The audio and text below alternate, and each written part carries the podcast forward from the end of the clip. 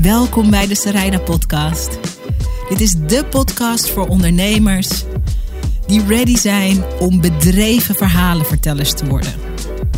Wat moet je van jezelf laten zien, zodat de mensen voor wie jij een verschil kan maken echt snappen wie je bent en wat je kan betekenen voor ze? Dat is waar ik je mee inspireer in deze podcast. Simpele tips, tools, inspiratie en ik zet je aan het werk. Leuk dat je er bent. Ik heb vandaag een bijzondere gast in de podcast. Hij is de eigenaar van zes bedrijven, zes bedrijven in de online marketing. Waaronder een aantal bedrijven die al de miljoenengrens gepasseerd zijn. Hij heeft een heel cool en inspirerend verhaal. Namelijk, hij begon als klant bij de IMU. En door een omzwerming van interessante keuzes en uh, dingen die hij deed, was hij drieënhalf jaar later de mededirecteur. Gaan we het over hebben. Um, hij stuurt al die bedrijven aan. IMU is een bekend merk hier in de Nederlandse ondernemerswereld. Internet Marketing Unie. En ze hebben softwareproducten zoals Huddle, Phoenix en Plug Pay. Daar werk ik zelf mee. Martijn is een interessant persoon, vind ik, omdat hij een hele interessante manier heeft van ondernemen. Hij is snel, hij is methodisch, hij is rete succesvol. Soms lijkt hij dat zelf niet helemaal door te hebben. En hij heeft een mooie kijk op um, de keuzes die hij maakt. Of kijk op de keuzes die hij maakt, dat klinkt een beetje gek. De manier waarop hij keuzes maakt, hij doet dat vanuit een bepaalde kijk en die vind ik interessant. Ga ik met hem over praten. Um, ik denk dat het een energiek gesprek wordt, want ik heb wat mensen om Martijn heen geïnterviewd als voorbereiding uh, op dit gesprek. En alle mensen die ik heb gesproken zeggen, vanaf 6 uur ochtends, hij staat elke ochtend om 6 uur op, tot 11 uur s avonds is Martijn aan één stuk door de Energizer Bunny. Hij heeft altijd energie, hij staat altijd te springen, hij heeft altijd ruimte en tijd voor meer. En ik ben natuurlijk benieuwd, nieuwsgierig naar waar die enorme brok energie vandaan komt. Ik stel je voor aan Martijn van Tongeren, mededirecteur van de IMU. Martijn, ik wilde jou super graag interviewen voor de Sarayda podcast. En toen ik uh, um, eigenlijk jouw Genesis verhaal, het verhaal over hoe het voor jou begon, uh, je leven als ondernemer en uh, die eerste leuke stappen, die uiteindelijk zouden leiden tot directeur worden, mededirecteur bij de IMU. Toen zei je, ja, dat heb ik al heel vaak verteld. ja, ja. ja ik, heb, ik had een voiceberichtje van drie minuten nodig om dat uit te leggen, maar hier kwam het wel op neer. Ja. En toen gaf je me eigenlijk iets heel goeds terug. Um, je zegt, ik heb het al heel vaak hierover gehad. Uh, kunnen we het misschien over iets anders hebben? Of hoe wil je het dan aanpakken? En toen dacht ik, um, dit is eigenlijk voor mij een kans om uh, mijn oude journalistieke um, manier van doen weer eens op te, op te stoffen. Is dat een woord? Af te stoffen. Af te stoffen, dank je. En, en, en wat dieper te gaan. En even kort, we gaan straks even kort vertellen voor de mensen die denken: wat is Martijn zijn Genesis verhaal? En hoe is het dan begonnen? Dat gaan we zo vertellen.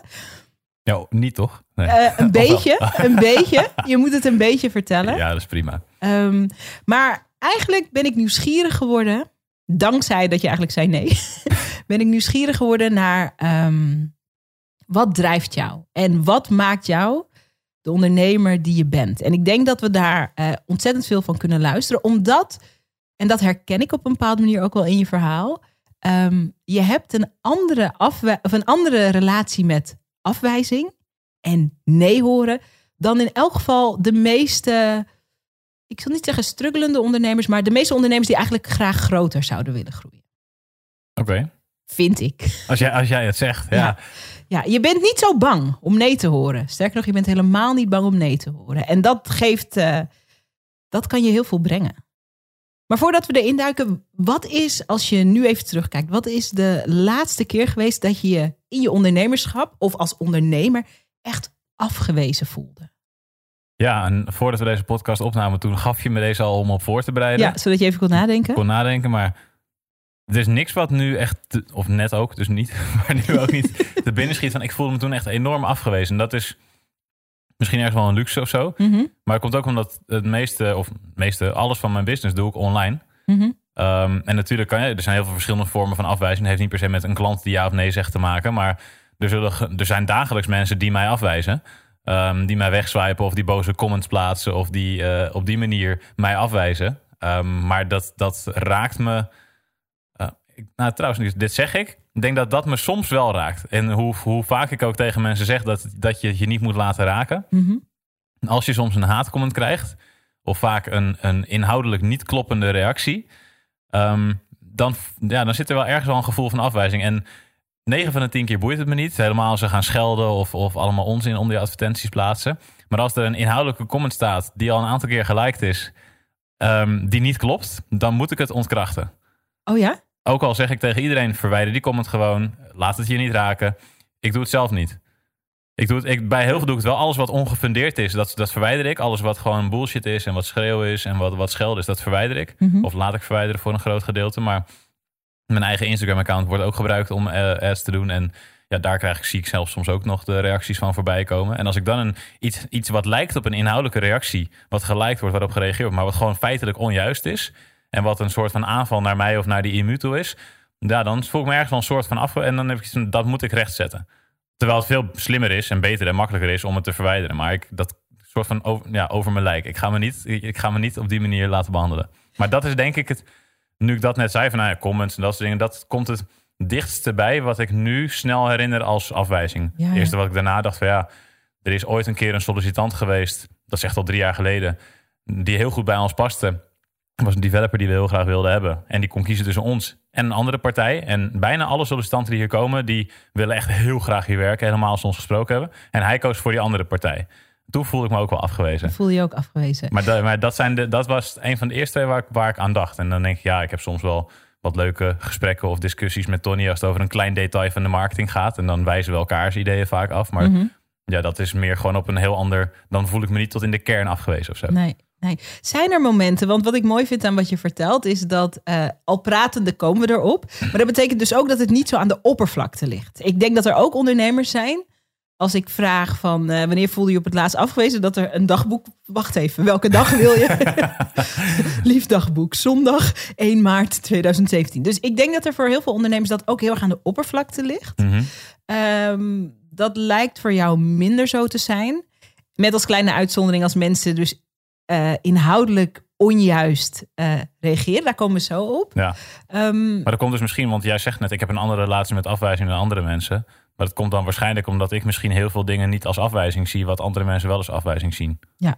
Ik kan me niet ik- voorstellen, ik kan, ja, tenminste dat denk ik, want ik kan me niet voorstellen dat andere mensen per se veel meer afwijzing meemaken dan ik zelf.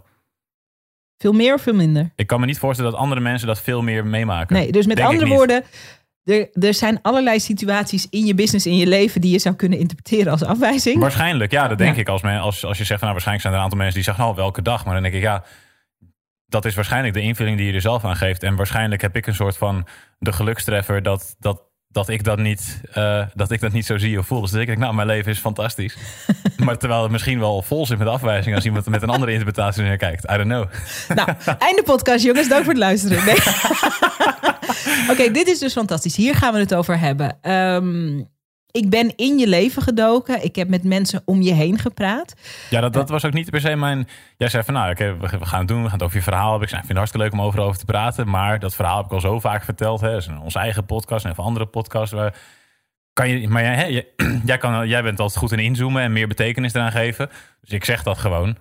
En gaat ze ineens allemaal mensen interviewen. Ja, ik denk mensen op de werkvloer interviewen. Mensen die dicht bij jou staan, Martijn. Omdat ik beter wil begrijpen hoe je bedraad bent. Hoe je gewired bent. En ik denk voor onze luisteraars dat het heel interessant is...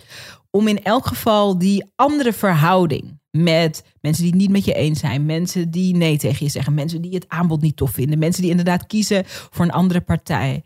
Ehm, als je daar een wat mildere, meer ontspannen relatie mee hebt als ondernemer, dan kan je daar denk ik, eh, dat kan heel veel voor je betekenen. Dus daar wil ik het over hebben. Oké, kort toch dat allereerste verhaal. Mhm. Martijn, ik wilde jou spreken in deze podcast, omdat we staan hier in het kantoor van, eh, van IMU. Je bent hier mededirecteur.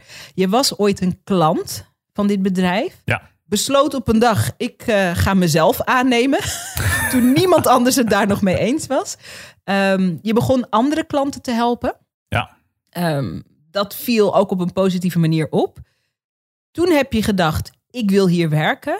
Toen heb je jezelf als het ware qua werk dan aangeboden Mhm. aan, eh, aan Tony, die nu eh, jouw, jouw mededirecteur is. Of jij bent zijn mededirecteur. En toen heeft Ondertussen is hij... mijn mededirecteur. Ah, Oké, oké, Tony, als je dit hoort. Ehm, hoe vaak heb je je aangeboden voordat Tony zei: Ik ga hierover nadenken? Ja, hij zei al in het begin. Ik weet nu dat als hij soms zegt: Ik ga erover nadenken, dat hij de beslissing al heeft genomen. Maar dat hij er niet over na gaat denken, maar niet op dat moment wel afwijzen. Maar dat hij er echt over na ging denken, dat heeft iets van vier, vijf keer geduurd volgens mij. Je hebt jezelf vier, vijf keer in de kijker gespeeld, gezegd. Wat, wat even, want ik hou ervan om, eh, om in te zoomen op die momenten. Wat was je verhaal destijds? Ehm, mijn verhaal om, om Wat binnen was te je komen. pitch? Ja, wat mijn, was mijn je pitch. Ehm, nou, oké, ik de het kort, korte verhaal. Laat, ik- ga proberen om het kort te doen. Je kan het. Is ik, ik studeerde destijds nog. eh, terwijl ik al klant was bij de IMU. En in mijn vrije uren hielp ik inderdaad een aantal klanten. En daar, eh, daar verdiende ik een leuk zakcentje mee. En aan het eind van mijn studie moest ik gaan bedenken: wat wil ik gaan doen? Ehm, met mijn leven als mijn scriptie straks klaar is. Ga je ergens in dienst of ga je iets met online marketing doen? Want dat doe je al een paar jaar en dat vind je superleuk. Toen Hoe oud nou, was je toen? 20. Twintig. En toen had ik iets van, nou, ik vind dat online marketing vind ik wel het vetste. En ik vind het leuk om mensen te helpen. Maar ik, ja, nu kan ik een paar mensen helpen. Maar vanuit de IMU helpen ze nu al honderden of duizenden mensen. En het lijkt me veel vetter om daar een impact te kunnen maken. Dus ik had, weet je wat ik ga doen? Ik ga daar stage lopen. Ehm, en dan ga ik dat websitesysteem wat ze hebben, ga ik wetenschappelijk bewijzen. Ehm, want dan heb ik een toegevoegde waarde. Dat, dat wordt mijn pitch. Ik ga jullie websitesysteem wetenschappelijk bewijzen. En daarnaast kan ik dan een paar dagen in de week kan ik, eh, voor jullie werken. Voor, eh, of of, of heel, wei- heel weinig of voor gratis. Ik denk, dan kan ik, kan ik mijn toegevoegde waarde laten zien. En dan na een half jaar, als dat, die periode voorbij is, of drie maanden was dat, dan gaan ze me waarschijnlijk wel aannemen. Dat was, dat was een beetje mijn pitch. Dus ik had zo'n pitch, zo'n verhaal geschreven. ehm, dat, ik dat, dat ik dat van plan was. En toen kreeg ik na een paar dagen een berichtje van... nou, sorry, hartstikke leuk idee... maar eh, we hebben geen ruimte voor een stagiair. Oké. Hou je punt. Ik schrijf hier op op mijn papier. Geen ruimte stagiair. Daar komen we zo. Als je even uitzoomt en kijkt naar die 20-jarige Martijn. Je bent nu 27. Ja. Ehm, dan zie je denk ik ook dat dat eigenlijk crazy is. Of niet? Eh, wat, wat is crazy? Oprechte verbazing. Oprechte verbazing. Ik zeg dat omdat, en daarom vind ik het zo'n leuk verhaal en ook inspirerend. Het doet me ook een beetje denken aan mijn eigen verhaal. Ik, eh, Dus ben, jij was ook een beetje crazy. ik was ook een beetje crazy. Ik ben eigenlijk op dezelfde manier ook bij de televisie beland. Anders, maar hetzelfde. Ik, eh, ik las in de, in de krant, in NRC Handelsblad, dat MTV een nieuw bedrijf ging beginnen of een nieuwe zender. En ik dacht, ik ga gewoon verzamelen en bedenken wat er op die zender moet. Crazy. Straat op gegaan en aan mensen gevraagd: Hey jongens, ik werk bij de nieuwe zender van MTV. Wat willen jullie zien? Omdat ik in het artikel had gelezen dat eh, de directeur van die nieuwe zender nog aan het onderzoeken was. ehm, wat de doelgroep, grootstedelijk of jongeren eh, die in een stad wonen, grootstedelijke jongeren. Ik dacht, dat ben ik. Ik was 23. Ik dacht, dan ga ik dat gewoon alvast voor haar uitzoeken. Dus ook vanuit dat eh, idee van helpen. Dan ga ik dat eh, ga ik verzamelen in een goed plan. En dan ga ik opsturen. Voor mij voelde dat toen heel logisch. Net als dat Ja. het voor jou ook logisch voelde. Pas later realiseerde ik me eh, dat dat crazy is. Omdat wat, wat het merendeel van mensen voelt en denkt is... wie ze daar nou op te wachten? Ik weet niet hoe die wereld werkt. Iedereen zal wel zijn mening hebben of iedereen levert wat in. Oké, spoiler, niemand levert wat in en daarom werkt het zo goed. Maar is dat crazy? Of zijn heel veel andere mensen crazy dat ze niet op die manier nadenken? Dat is dus de hamvraag. Dat is het interessante thema waar ik het met jou over wilde hebben. Net als wat jij meemaakte, ehm, en daarom komen we zo meteen bij eh, het stuk van afwijzing. Ik stuurde dat plan toe en natuurlijk belde niet iemand meteen en zei: Geweldig, jij bent waar we op zaten te wachten. Kom ons leven verrijken. Zo ging dat niet.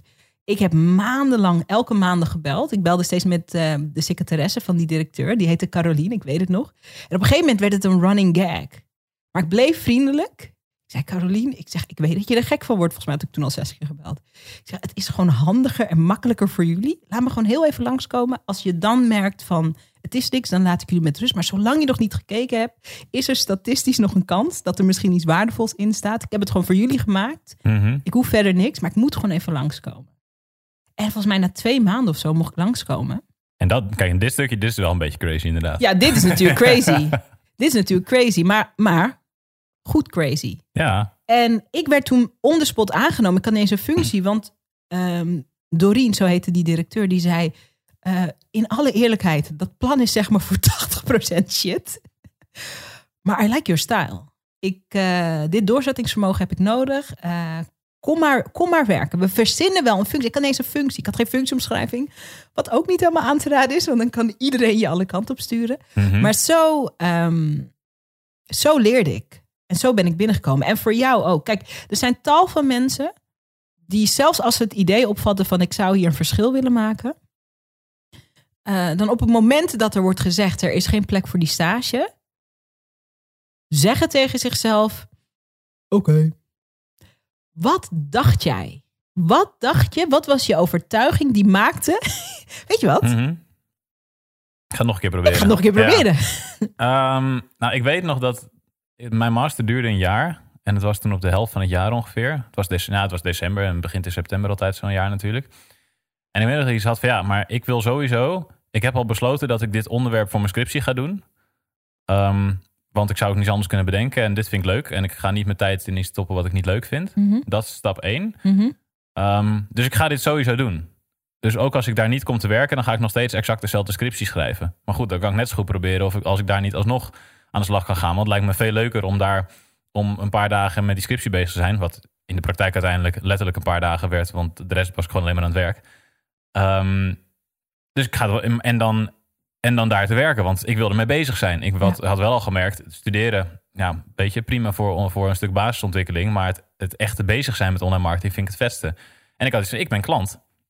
En een paar weken later was er een klantenseminar. Dus ik denk, ja, je kan me wel afwijzen als stagiair per mail. Want ja, maar misschien was mijn mail niet goed. Nu kijk Ja. ik, hè, ik heb een paar jaar later heb, ik- kan ik mijn eigen mail natuurlijk teruglezen. Ik dacht echt van, nou, ik dacht toen dat het een hele goede mail was. Maar oh, wat stoffig en statisch heb ik destijds geschreven. Maar toen ging ik er naar dat klantenseminar toe om het nog een keer te proberen. En er waren maar twintig mensen of zo. eh, en een aantal mensen van het team. Dus toen daar nog een keer het gesprek met Tony aangegaan. Eh, met de lunchpauze. En Tony ging, nu, ging toen net zijn broodje eten. Nu weet ik ondertussen van, oh, dat is, vond hij echt verschrikkelijk dat, ik dan, dat hij net van het Geen podium goede af zat. En dat ik dan voor zijn neus dacht van, nou, en, hè? Ik weet, en ik nog een keer mijn, mijn verhaal pitchen. Ja. En hij alsnog van, ja, hartstikke leuk verhaal, maar weet je, we zijn... Hij was toen met de bedrijfsfamilie van Winst.nl ook, maar IMU, was, daar werkten drie mensen. Hij zegt, we zijn met drie mensen. We hebben nu echt geen ruimte voor een stagiair. Als we al iemand zouden zoeken, zou dat een werknemer zijn. Dus ik zeg, oké, mm, kijk, in principe kan ik ook wel vanaf april gewoon fulltime komen werken. Ja, maar op dit moment is er geen vacature vrij. Oh, oké. Nou, toen gingen we lunchen met een groep mensen en de mensen uit het team. Dus ik met de mensen uit het team. Oh, waar ben je? Wie ben je hier? Wat doe je hier? Dus ik uitleggen wat ik mijn idee was. En dat ik eh, stage zou kunnen lopen. En het systeem wetenschappelijk kon bewijzen. En dat ik nu al toch ook al klanten aan het helpen ben. Nou, dat ging een rondje bij iedereen van het team. Achteraf hoorde ik, dat wist ik op dat moment niet, dat al die mensen individueel naar Tony toe waren gegaan. Van, heb je hier Martijn nog gesproken? Is echt een goede gast, moet je bij het team toevoegen. Dus nou, dat was een strategie die kennelijk per ongeluk heel goed werkte. Ehm, en één jongen die er toen werkte, Seb, die was helemaal eh, om. En ik wilde eigenlijk hetzelfde doen wat hij deed als functie. Namelijk Mhm. mensen helpen met een website en, en vragen die ze daarover hadden. Ehm, dus ik was vooral heel veel met hem in gesprek. En hij had iets van, oké, mooi, Martijn die kan dan mijn werkzaamheden overnemen. En dan kan ik iets anders gaan doen. Ja. Dus die ging aan het eind van de borrel, aan het eind van de dag... samen met mij nog een keer naar Tony. Ik ga toch, nog- we gaan, we gaan, ja, misschien toch een goed idee. En toen zei Tony dus, ik ga er nog even over nadenken. Stuur maar een mailtje. Nu weet ik, dat is een uitgestelde Eigenlijk nog steeds een nee. Oké, even pauzeren. Er zit zoveel waardevolle informatie in, eh, in wat je vertelt. En ik denk, dit klinkt heel stom, maar dit is precies wat ik het allerleukste vind aan eh, podcasten. Is ik zit met één oor als eh, mede-ondernemer en eh, wij kennen elkaar soort kennis zit ik maar ik zit er ook met mijn andere oor in, echt ingetuned op onze luisteraars. En er zitten een paar hele belangrijke dingen in. Ehm, je ging naar het klantenseminar. Hoe makkelijk was het geweest? Nou, die gasten willen me niet. En, en nou, laat maar. Hoe makkelijk was het geweest om niet naar het klantenseminar te gaan? Dat is één. Toen was je op het klantenseminar. Toen had je ook kunnen denken... Nou, die gasten willen me niet. Eh, kijk, dat... eh, eh. Maar eigenlijk voegde je je meteen... Eerst bij een geïrriteerde Tony want broodje. en daarna bij het team. Ehm, eigenlijk werden de teamleden jouw ambassadeur. En wat ik je hoor zeggen is dat omdat je zo'n duidelijke, heldere eigen visie had, dit is wat ik wil onderzoeken, dit is wat ik, wat ik neer wil gaan zetten, kon je eigenlijk het team aanhaken op die visie van een gast waarvan ze 's ochtends nog niet eens wisten dat die bestond. Voor onze luisteraars, als je op dit moment zit te luisteren, ehm, dit is wat ik er zo cool aan vind. Elke keer als je bang bent voor een afwijzing of een nee, dan zit het er maar vaak in dat je ehm, de manier waarop je iets presenteert is niet wat ze in Amerika noemen compelling genoeg. Het is niet, het is niet spannend genoeg. Het is niet visionair genoeg. De gekke paradox is naarmate je zelf gewoon omdat je zelf hebt besloten van dit is mijn visie over iets. Naarmate die visie groter is, naarmate het ook makkelijker is dat mensen ja tegen je zeggen. Ik denk ook omdat je meer onzeker bent over datgene wat je, wat je vindt of wat je wil doen of waar je, waar je naartoe wil. Als je niet zeker bent van jezelf, dan durf je jezelf ook minder goed te presenteren. Ja. Ik denk dat dat, dat zie ik heel veel bij ondernemers. En dat heb ik ook tijdens mijn hele studieperiode gezien. Als, ehm, ik, ben, ik heb een keer een half jaar minor gedaan, conflict studies. Ik dacht, oh dat is leuk, dan leer je over conflicten tussen mensen, hoe je dat kan oplossen. Dat bleek uiteindelijk allemaal over politiek en internationale betrekkingen te gaan. Totaal niet oorlog. mijn- ja, my, not my cup of tea. Maar goed, ik had het gekozen en ik wilde mijn studie zo snel mogelijk afronden. Dus ik heb dat gewoon afgerond. En daar kon je ook dan soms presenteren. En dan kon je een eventuele bonuspunt mee krijgen. En ik was... Ik had helemaal geen kaas van gegeten in alle discussies. En het interesse- interesseerde me ook niet. Maar ik dacht, ja, die bonuspunt is handig. En presenteren, dat kan ik wel. Maar ja, dan moet ik wel ergens over kunnen praten waar ik iets van snap. Dus dan pakte ik een heel complex topic. En dan ging ik nadenken, oké, hoe kan ik dit zo begrijp, begrijpelijk mogelijk vertellen... zodat ik het zelf ook snap. En op het moment dat ik het daar had, kon ik ineens een presentatie van een half uur geven. En iedereen was echt van, wow, dit was echt de beste presentatie die we tot nu toe hebben gehad. Terwijl ik het helemaal niet complex, maar juist omdat ik het simpel maakte en het zelf begreep en er zelf dus achter stond dat ik zo'n concept kon uitleggen. Ja. En ik denk dat dat, als je nu je dit zo net zegt, denk ik, oh ja, dat is denk ik wel sleutel voor mijn zekerheid destijds ook geweest. Als je precies weet wat je wil Ja. en het heel simpel en concreet is, kan je het ook veel makkelijker overbrengen. En dat is voor heel veel ondernemers ook natuurlijk heel Ja. erg moeilijk. de zoektocht. En ik merk ook, als ik je mag eh, aanvullen. Ik merkte toen ik bijvoorbeeld mijn open sollicitatie deed bij de televisie. Ik was helemaal ook niet bezig met of ze daar ja gingen zeggen. Ik zat helemaal niet in die sfeer.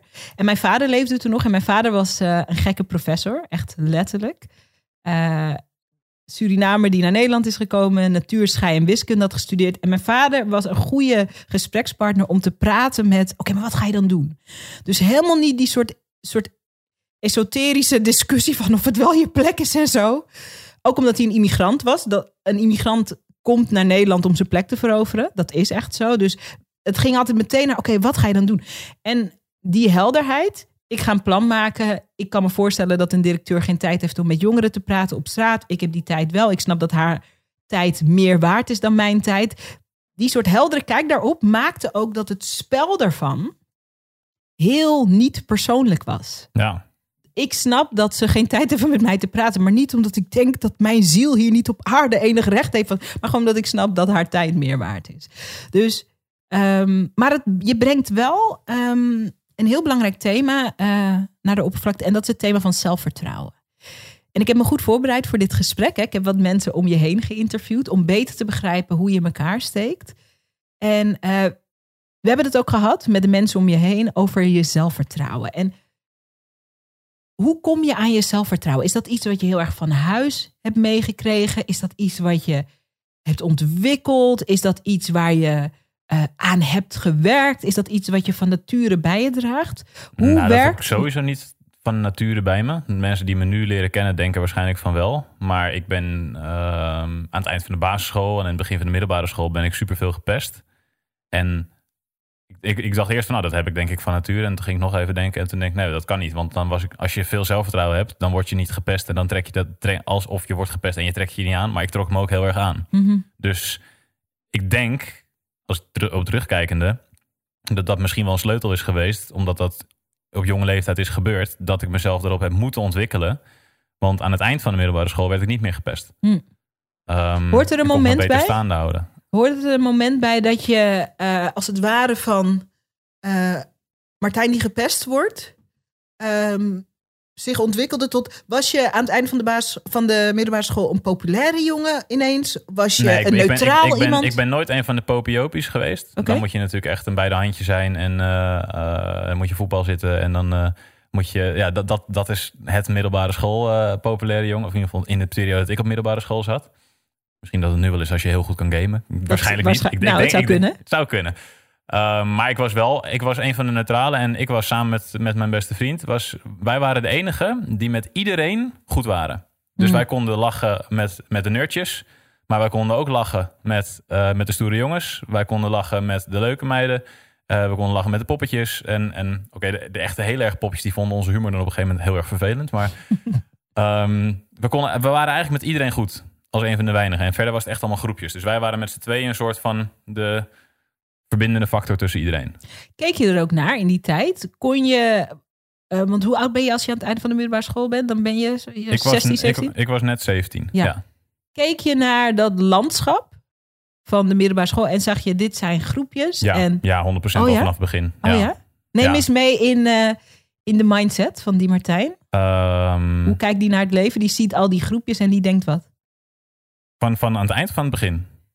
Doe ze allebei maar. Doe, nou, maar, als je, ja. als je binnen, toen, als, toen je binnenkomt, tenminste, ik had echt geen idee hoe dat zou ontstaan. Want ja, op de basisschool, ehm, op de basisschool was ik de slimste van de klas. Ehm, en dan word je cool gevonden omdat je de slimste van de klas bent. Maar dan ga je vervolgens naar het VWO en dan ben je allemaal slim. Dus dan is dat geen factor meer. En dan kom je bij een, in een groep mensen die elkaar heel goed kennen en die kennelijk heel erg bij de hand zijn. Ik was ook nog anderhalf jaar jonger dan alle andere mensen, omdat ik op de basisschool een klas heb overgeslagen. Dus dan heb je ineens een heel groot gat. En op die leeftijd is dat gat heel groot. Mhm. Mensen die een mooi woordje klaar hebben. En ik eigenlijk van oké, dit is wel een heel groot verschil. Ehm, en dan na een half jaar of zo, dan ontstaan die groepjes wel. En dan heb je dus een groepje met eh, de nerdjes, de wat stillere jongens. ehm, en de stoere voetbalgastjes. En ehm, die zijn ook dan vaak de knapste. En de meisjes die knap zijn, dat zijn de stoere meisjes. En de meisjes die minder knap zijn, dat zijn de eh, minder stoere meisjes. Dat Mhm. is heel... Of soms staat er ook dan eentje bij de stoere meisjes die dan niet knap was. Maar die was dan wel een hele grote bek. Als je een grote bek hebt, hoor je bij de stoere mensen. Heb je geen grote bek, hoor je bij de niet stoere mensen. Hm. Daar komt het in de basis op de middelbare school, tenminste, dat is mijn ervaring, komt het op neer. Ehm, en dat, dat merkte ik ook. Hè, want ik was dan ook wat kleiner in het begin. Kan je je nu ook niet voorstellen. Nee maar man. klein voor en de voor, wie weet- Martijn niet kent, hoe lang ben jij? weet- 1,97. Hartstikke breed. Ja, nee, dat, dat, maar toen was, ja, ik was toen even, even lang als de mensen. Maar ik was wel, ja, ik was tenger en, en niet, Mhm. eh, niet breed gebouwd of zo.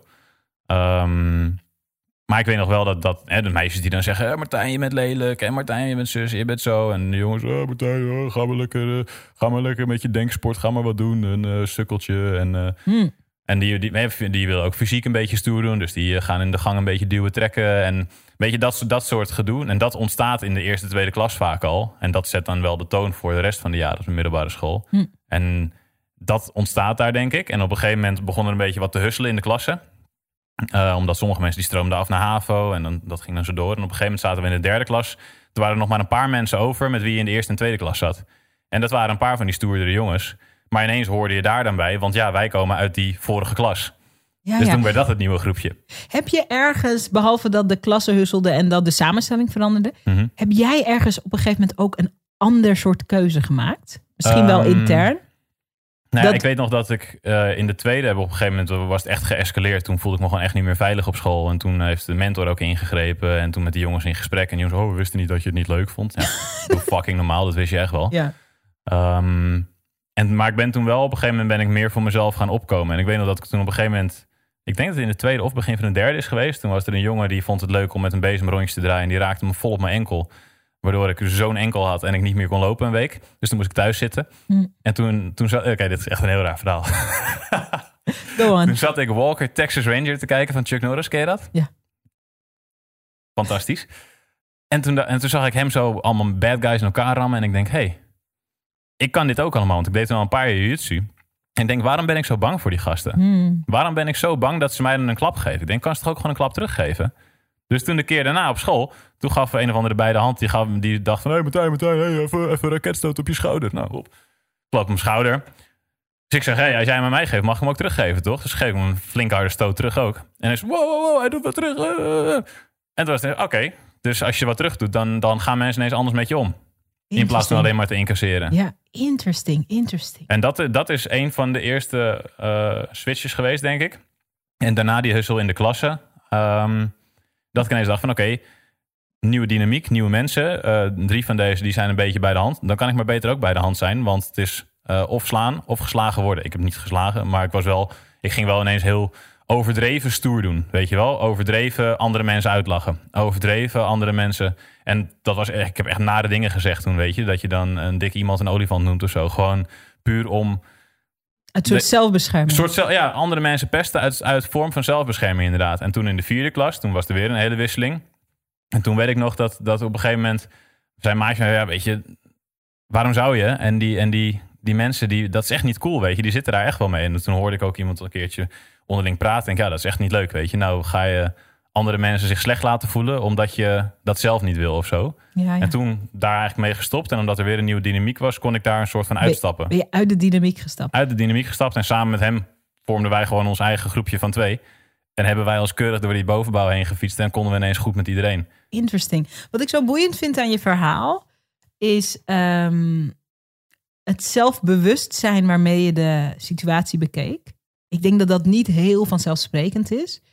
Ehm, en dat je die beide ehm, aspecten kent. Hè? Gepest worden en ook op een bepaalde manier in die pestersrol gestapt. En toen besloten, ik, ik, ik stop gewoon met die hele dynamiek. I think that's interesting. Wat heb je van huis uit geleerd over ehm, assertiviteit? Ik vraag het omdat ik heb, en dat is een ander soort verleden, maar het, is, het heeft me ook gevormd. En ik hoor dat, jij, dat dit jou ook gevormd heeft. Ehm, ik heb op eh, een tijdje in een dorp gewoond, toen we heel klein waren, mijn broertje en ik. En eh, op de basisschool ehm, was, werden we, werd veel gepest, maar was echt racistisch. Mm. En ehm, mijn ouders die gingen scheiden, dus we hadden toen wat minder aanspraak voor mijn gevoel. Maar mijn vader die riep me echt bij ons en die zei: je moet terugvechten. Je moet. Dus en pas la- en later moest ik dat ook weer afleren. Natuurlijk. Niet alle situaties vereisen het. Dus ik was bijvoorbeeld een echt Niet altijd met je boksbeugel op zak rijden. Nee. Niet altijd. maar ik was echt een straatvechter. Maar tot, ik denk, ik denk echt wel tot mijn twintigste of zo. Heel pittig. Wauw, ik ja, kan me ja. echt niet voorstellen. Oh, nee. Zo'n zo, zo'n zachte, lieve vrouw. Ja, nee, dat, ik was echt... Oh, Martijn, ik kan je verhaal vertellen. Ik had zelfs... maar dan gaan we weer terug naar jou, want het gaat natuurlijk niet om mijn verhaal. Maar ik had zelfs, Martijn... Ik was zo'n vechter. Ik heb ook nog een, een periode op de baas... Nou, ik weet niet eens mijn baas... Maar ik heb nog een periode ook een, een litteken, echt scarf, een litteken in mijn gezicht. Omdat... Ja, ja, we zijn niet allemaal in het gooi opgegroeid. Omdat ik in een gevecht met een veel grotere jongen... die had een vulpen in mijn gezicht gestoken. En, en this is where it gets very creepy, ik vond het cool. ik kom thuis en mijn moeder Don't werd, mess Sarayda. en mijn moeder werd helemaal gek. Straks gaat het nooit meer weg. En ik weet nog dat ik dacht, I think this is cool. Die rijden ben ik ook niet meer. Nee, Nee. Ehm, maar wel een mooi verhaal. ja, maar dit. eh, Maar dus mijn, mijn filosofie was, omdat mijn ouders ook heel strijdbaar zijn, is: ehm, je mag het niet over je kant laten gaan. En zo zijn wij opgevoed. En nu heb ik dat, eh, ik heb daar mijn eigen versie van gemaakt. En die is niet zo fel. Wat heb jij van huis uit meegekregen over assertiviteit? Wat heb je daarover Mm. geleerd? Ja, ik weet niet of ik, of ik daar echt, echt letterlijk gesprekken of lessen van heb gehad. Ik weet wel dat ik op de basisschool ben ik ook wel eens dat twee jongens me opwachten om, eh, om een keer een klap te geven. Wat ik zou niet eens meer weten waarom, maar dat was om een reden. En ik weet nog dat mijn ouders daarna hebben gezegd van, eh je gaat op jiu-jitsu. Mhm. En dat is een zelfverdedigingssport. Ja. Zodat je in ieder geval, mocht er ooit iets gebeuren, dat Ja. je jezelf kan verdedigen. Dus dat is wel... Ik, volgens mij was dat de aanleiding om die sport te gaan doen. Dat heb ik toen zelf niet zo bewust meegekregen. Dat dat daardoor kwam. Ehm, want het was ook gewoon leuk om te doen en zo. Maar als ik nu terugdenk, van volgens mij, volgens mij is dat daarna dat ik toen op jiu-jitsu ben gegaan. Omdat dat toen gebeurde. Mhm. Dus dat is wel een bewuste keuze van mijn ouders geweest. Van, hé, hey, je moet jezelf kunnen verdedigen. Maar het is niet dat zij hebben gezegd van... hé, hey, als jij geslagen wordt, moet je terugslaan. Niet, niet op die manier, zeker niet. Wel al vaak van de autoriteit erbij halen. Oh, dus ja, ehm, dat de, de, in gesprek gaan met de mentor op de middelbare school. Dat was van ja, mijn ouders ja, nu moet je wel echt in gesprek gaan met je mentor. Ja. Dus niet van ga terugvechten, maar ehm, er moet iets gaan gebeuren aan de situatie. Ja, ja. En daar moet ik dan wel weer assertief in zijn, want ik moet degene zijn die dan met, in gesprek gaat met de mentor. Ja. Al zal denk ik, ik weet, ik weet trouwens niet eens, het zou heel goed kunnen dat mijn moeder met de mentor heeft gebeld ook destijds. Maar het Weet was, niet, het was niet mijn, mijn lieve gekke vader. Die kwam gewoon aan het, aan het schoolplein. En die zei gewoon tegen gasten: Dat is mijn dochter. Als je die aanraakt, dan rap ik je in die muur. Dus Nee, dat- nee, dat was het niet. Nee, nee, nee, nee, nee. nee. Nee. Oké, grote sprong vooruit. Ehm, Hoe kwamen we bij de middelbare school? omdat ik je vroeg, waar is dat zelfvertrouwen ontwikkeld? Oh ja, ja. Ja, en dat was dus in het begin niet. En aan het einde was dat er een stuk meer. Ja, ja, en jouw bewustzijn en jouw kijk, eh, jouw vermogen om een situatie te scannen en om uit te zoomen en te zeggen van, oh, dit is wat er speelt. Daar wil ik het over hebben, want ik denk dat je daar als ondernemer ook heel veel eh, je voordeel mee doet. Inmiddels, eh, mededirecteur van de IMU. Ehm, jullie zitten, jij en Tony, eh, de andere directeur, zitten in een leuke structuur die jullie directeur vandaag, directeur morgen noemen. Jij bent directeur vandaag. Dat betekent dat jij de, de, de lopende gang van zaken echt managt. En, Mhm. en Tony die zit eh, met één been in de toekomst eh, en bekijkt samen met jou het strategische stuk. Ja. Schrijf ik dat goed? Ja, klopt. Ja, ondertussen zijn, ja, bekleed ik ook wel directeur morgen, maar nog steeds directeur vandaag. En hij alleen morgen inderdaad. En zoals Tony dat mooi zegt, het is fijn, want het wordt eigenlijk nooit morgen. ja, Dat zegt hij zelf.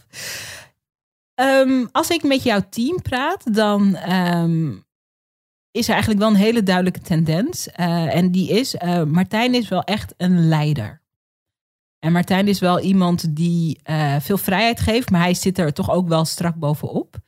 Ehm, hij is echt een leider. Zie je jezelf ook zo? Ehm, ja, als, ja, ja, ik zie mezelf wel als een leider. Maar het is niet dat ik 's morgens opsta en denk, ik ben een leider. maar, ik denk, maar ik denk juist daarom dat ik mezelf als leider zie. Wat Omdat, betekent het om een leider te zijn? In dit geval van een bedrijf? ehm, als leider denk ik dat je mensen inspireert. eh, en mensen de juiste richting opzet. Dat je eh, het voortouw neemt. ehm, om samen verandering eh, te creëren. Om samen dingen, dingen voor elkaar te boksen. Mhm. Ik denk dat dat leiderschap is. Dat je, dat je zelf het voortouw neemt. Dat je mensen inspireert om samen hele vette dingen te doen. Maar dat je het wel samen doet. Ja, En dat dat voorop staat. En ik denk precies daarom, wil ik, ik zeg, nou, ja, ik sta niet 's morgens op. Ik denk, ik ben een leider. Maar Zo voor de spiegel. ja, precies. Ja. Naakt. Ja. Let's go. Ja, nee, ik denk dat je dan, hè, iemand die zichzelf een baas, of die, iemand die een baas is, of zichzelf een baas voelt, die staat op, ik ben de baas. Ja, ja, ja. En die komt binnen op kantoor. Hé, hey, luister. Echt even dit doen. Waarom? Niet per se een logische reden voor, maar ik ben de baas. Dus je, Ja. moet, het, je moet het even gaan doen. Oh, ik krijg helemaal, ik krijg helemaal pijn in mijn nek. Als Dat, ik dit dat, zo, ja. dat- je ziet wel soms van die plaatjes, het verschil tussen een baas en een leider. Ik denk, Ja. ja, die, die, die leiderschapskant, zo zie ik mezelf wel. En dat is tegelijkertijd ook al een, een kant die ik eigenlijk al mijn hele leven wel heb gehad. Mhm. Dus ja, ik ben natuurlijk vroeger dan hè, gepest. En, oh, een drama. Het is niet zo dat mijn jeugd een drama is geweest, maar dat was een naar element ervan. Maar als je nog naar de basisschool gaat en je gaat kijken naar buiten spelen, dan was ik altijd de leider in het groepje. Deden wij op school projecten, dan was ik degene die, zor- die het werk verdeelde en die alles inzichtelijk maakte. Op de universiteit precies hetzelfde. Dus ik nam altijd wel een soort van het voortouw. Heb ik altijd gedaan. Waar eh, komt die behoefte vandaan? Want je kan natuurlijk in het, in het voorbeeld van, eh, ik zeg maar, de universiteit, Mhm. zo'n projectgroep, dat heb je allemaal. Ik heb HBO gedaan, dat je ook projectgroepen. Ja, Je kan allerlei functies bekleden. Je kan een beetje achterhoofd hangen, kijken wat er gebeurt. Je kan meteen op jouw stukje gaan zitten. Dus misschien ben jij goed in presenteren, zoals je zei. Ik doe de presentatie wel. Dus je kan meteen Ja, richting ja, je ja. comfortzone gaan. Ehm, is de taakverdeling, is dat ook je comfortzone? Ja. Of vind je het gewoon lekker om aan het roer te staan? ook? beide. Ja? Ja, ik, ja ik, ik, ik, weet, ik weet dat ik er goed in ben. Mhm. Gewoon omdat ik, als ik een, een groot complex iets zie, ik, ik, ja, ik zie mezelf als heel erg, ik ben heel pragmatisch. Dus als ik een complex iets zie, dan wil ik zorgen dat het duidelijk en overzichtelijk en gestructureerd wordt. Ehm, dus dan kijken van, oké, nee, je hebt een complex iets, dus een groot project. Dan moet deze, deze, deze dingen moeten alle, als eerste gebeuren. Daarna moeten deze dingen gebeuren. Mhm. En dan uiteindelijk is dit het eindresultaat. Of dit zou het eindresultaat moeten zijn. Dus Ja, ja, ja. je moet makkelijk om dingen op te knippen. En vervolgens dan in zo'n project te kijken. Nou, eh, dan zal dit stukje zal door deze persoon gedaan moeten worden. Dit stukje zal door die persoon gedaan moeten worden. Eh, deze persoon is goed in dat, dus die gaat dat doen. Eigenlijk weer dat overzicht. Wat op het schoolplein toen ook al goed werkte. ja, klopt. Ja, ja, mooi. ja dus ja, en, en, en op basis daarvan. En degene, eigenlijk degene die overzicht creëert eh, en structuur creëert, die is denk ik daardoor ook vaak de leider. Mhm, als van nature. Toen je uiteindelijk bij de IMU ging werken, in de eerste instantie dus eh, als werknemer. Hoe lang heeft het geduurd voordat je uiteindelijk mededirecteur werd? Eh drieënhalf jaar. Drieënhalf jaar. Maar dat is officieel. Ja, Ja. Ehm, toen je mededirecteur werd, toen was je? 24. En dan ben je ineens mededirecteur van een miljoenenbedrijf. Ja. Eh, heb je daar nog over wakker gelegen? Nee. Nee? Nee, nee. Nee, vooral ja, heel, heel enthousiast. Ehm, en, en super veel zin in. Maar ik heb er absoluut niet over wakker gelegen. Nee. Oké. Ja, gewoon, ja, ik, die, die hele periode was natuurlijk één, één grote high waar je dan op leeft. Ehm, maar het, het, het ging heel snel eigenlijk. Want Tony en ik werken al, hè, de directeur vandaag, directeur morgen. Het was al heel lang zo dat ik eigenlijk de operatie verzorgde. Ja. Ook toen ik nog in dienst was. Dat Ja, het niet ja, van, oh, je bent nu mede-eigenaar en dan ga je dit doen. Nee, dat, dat was er al best wel een tijdje zo. En toen heeft En hij dat gewoon officieel gemaakt, als het ware. Ja, klopt. En we stuurden het al samen aan. En toen eh, ehm, ontstonden er elders ook wat business opportunities die ik mede gecreëerd had ook. Waardoor het ineens wat sneller ging van oké, dan is- zou het logisch zijn dat je hier ook een, eh, een aandeel in zou hebben. En toen hebben we daar stappen in gezet. Ehm, maar het is, ja, ik heb daar niet over wakker gelegen. Want ja, ik, weet, ik ken het het bedrijf. Ik deed, ik deed al een heleboel voor het bedrijf. Ik, wist, ik kende de cijfers. eh, wist hoe goed het ging. Wist wat voor impact ik daar zelf ook in kon maken. Dus ja, we zitten nog, we zitten nog op, op het begin van de reis die we met de IMU gaan maken. Mhm. Dus ja, als ik nu eh, de mogelijkheid krijg om me in te kopen ehm, met, een, met een hele goede deal, ja, dan dat, gaat, dat kan niet anders dan goed gaan. Ja. Of tenminste, ja, dat was mijn visie. En mijn ouders die hadden inderdaad wel, dus wel een heel hoog bedrag. En Martijn, weet je, Want ja, je komt niet uit een ondernemersgezin, toch? nee, nee, Nee. nee, nee. Nee. Of nou ja, mijn eh, moeder is pedicure. Dus die is in principe ondernemer, maar Ja, die, ziet dat zelf, die ziet dat zelf niet zo. Oké, hoe ziet ze het? Ja, gewoon ja, ze, ze, knipt, ze doet de, de voeten van mensen. En ze is een eh, gesprekspartner van die mensen. Ja, ja, ja. En je vader? Ook geen ondernemer. Nee, die is jarenlang boekhouder geweest eh, voor, een, eh, ja, voor verschillende bedrijven. Ja. En uiteindelijk in 2012 is hij wel zijn eigen business gestart. Omdat hij werkloos was geraakt. Het was 2012, crisis, bezuinigingen. Ehm, en toen was ik al in de klantcommunity. En toen is hij, eh, hebben we samen gezegd... Oh, dat is een interessante website, die werd te koop aangeboden. Heb ik samen met hem gezorgd dat die website meer ging opleveren. Dus hij is nu wel ondernemer eigenlijk, maar niet van origine of zo. Dus meer eh, dat we dat samen op die manier toen destijds hebben gestart. Je hebt hem ondernemer gemaakt. Als Ja, het soort van, ja. En hij heeft, maar hij heeft mij er ook mee geholpen. Want door, hij, was, hij was ook altijd wel bezig met, met internet en dingetjes. En ik vond websites interessant. Maar via hem ben ik ooit volgens mij IMU zelfs op het spoor gekomen. Oh, interesting. Omdat hij al een beetje ja, daar ook onderzoek naar deed. Toen ik eh, de mensen om je heen eh, wat vragen stelde over jou om beter te snappen wie je bent, toen kwam er eigenlijk als grappige rode draad terug. En ik ben benieuwd of je dat herkent. Dat eh, Martijn de ondernemer is eigenlijk redelijk onverschrokken. Ziet mogelijkheden. Die eh, is niet bang om risico's te nemen. Die is absoluut niet bang voor nee of voor afwijzing. Die ziet het glas altijd half vol. Ehm, en hoe meer reuring er is, hoe sneller de groei, hoe beter. Mhm. Ehm, Martijn de, eh, ik noem het maar even zo, je hebt nog geen kinderen, maar Martijn de gezinsman Ja, eh, is veel meer behouden. Heeft zijn relatie, eh, vastigheid, best wel veel rust aan die kant, ehm, is gesetteld. En omdat je zo'n jonge man bent, vond ik dat boeiend. Omdat wat we veel zien, is dat eh, die, die ondernemers die heel hard en snel kunnen groeien. En die dus veel onzekerheid en variëteit aankunnen, zakelijk. Mhm. Vaak zien we dat ook in hun privéleven. Dat ze veel daten. Ik bedoel, je bent ook. Ja, je bent een jongeman en je bent de directeur van een miljonair van een, eh, van een miljoenenbedrijf. Je, je, je zou ook. Je zou ook een soort rappersleven kunnen hebben. Het zou kunnen. ja. Het zou kunnen. En ik denk dat we er ook niet zo. In Dubai en eh, bij de handen en zo. Het zou kunnen. Ja. En we zouden het ook niet al te gek vinden, want we zouden er naar kijken, wij als de maatschappij. Mhm. En we zouden denken, oh ja, dat is een jonge man. En uiteindelijk zettelt hij zich wel. Ja. Ehm, maar met de mensen die ik om je heen heb gesproken, die zien die, zien die twee Martijns, die allebei echt Martijn zijn. Ehm, en dat, en dat, daar zit een bepaalde mooie ehm, paradox in. Ervaar je dat ook zo? Of denk je, waar Nooit- de hel hebben mensen zo het over over? nagedacht. Dus ik vind het wel grappig dat je dit zo zegt. En ik zit te denken van, wat, waar zit dat dan in? En, en Daar hadden ze ideeën ook wel. Daar, ja, oké, daar, daar ben ik wel nieuwsgierig naar. Maar als ik nu, nu zit te denken, ook in het business, ik denk ja, ik hou van, van eh, variatie. En ja, ik hou van, van reuring en van knallen en van hard gaan. Mhm. Ehm, maar het is niet dat ik allemaal lijpe dingen aan doe ben of zo met het bedrijf, weet je wel. Het is allemaal wel gecontroleerd. Tuurlijk, en het tuurlijk. is en, en, en ehm, Maar wat ik ermee bedoel, als ik misschien even wat meer nuance mag Mhm. geven, is dat ehm, als jij op kantoor komt En eh, er wordt gezegd, oh, we moeten even een paar video's opnemen, want we gaan wat Facebook-advertenties maken. En we gaan, dan, dan, dan kom je gewoon en je, je, je improviseert het er makkelijk uit. Ja, en, klopt. ehm, dus je hebt, terwijl er zijn ook modellen en mensen die bijvoorbeeld veel meer vastigheid, veel meer structuur. Misschien gaat het over structuur. Mhm. En dit is natuurlijk een bestaande structuur. Je hebt dat zelf meegebouwd. Ja. Maar binnen die structuur ben je heel vrij. Zo word je omschreven. Mhm. En, ehm, en ik vind dat een mooi contrast met, eh, ehm, met, dat, met, dat, met dat gezinsleven zonder kinderen. Ehm, waar je eigenlijk al heel vroeg een koophuis had. Ja. Je hebt al jaren dezelfde vriendin. Jullie zijn hartstikke gek op elkaar. Dat stuk is eigenlijk heel burgerlijk aan jou. ja, klopt. Ja. Ik ben best wel burgerlijk. Ja, ben je burgerlijk? nou, ja, weet ik niet. Ja, ik- En burgerlijk zonder oordeel, hè? Ja, ja, maar ja, ben ik burgerlijk, ja. We wonen gewoon gelukkig samen en inderdaad een koopwoning. Ehm, en, en privé inderdaad best wel een, een rustig leven of zo. Ja, we zien graag vrienden, worden blij van andere mensen. Ehm, ook daarbij in de vriendengroep zijn wij weer de, de instigators die dingen organiseren, die dingen op touw zetten, die groepsactiviteiten bedenken, die vakanties regelen.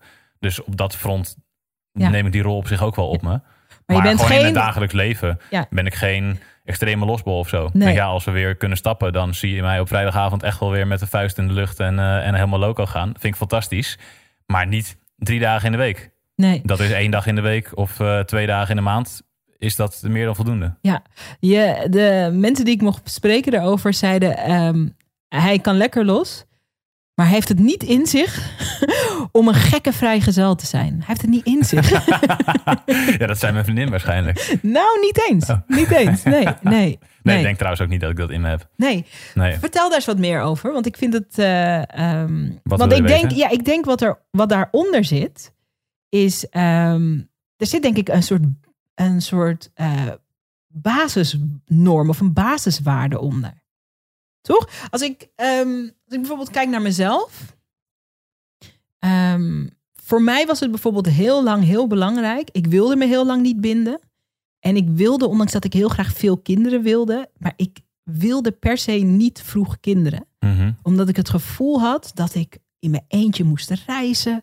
Ik had het gevoel dat ik bepaalde dingen moest meemaken. Mhm. En eh, de, de kernwaarde of de basiswaarde die daaronder zit. Ik, ik betwijfel dat nu soms wel. Dat ik dacht, oh ja, het is heel leuk om moeder te zijn. Misschien had ik gewoon tien jaar eerder moeten beginnen. Mhm. Maar ik had altijd als overtuiging, oh dat is een beter woord. Overtuiging had ik eronder dat, dat ehm, om een goede moeder te zijn, moest ik eerst heel lang geen moeder zijn. Of om een goede partner te zijn, moest ik zelf eerst toch ook allemaal wilde avonturen aangaan. Ik bedoel niet Mhm. qua seks, maar qua reizen in mijn Ja, eentje ja, en zo. ja. Dus dat was mijn, over, mijn basisovertuiging erop. Mhm.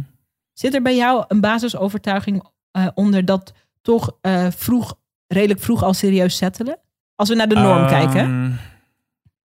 ehm, dat stuk van kinderen herken ik trouwens wel niet per se. Ik moet van alles doen. Maar ik heb wel eens, ja, zodra je aan de kinderen gaat, dan moet je daar aandacht voor hebben. En ik wil nu aandacht op de business focussen. Eh, en, en op het leven wat ik nu heb. En op het leven wat ik nu met mijn vriendin heb. Dus dat moet voorlopig nog even niet. Was jij heel verbaasd over, hoorde ik van haar. Ja. maar ehm, eh, los daarvan.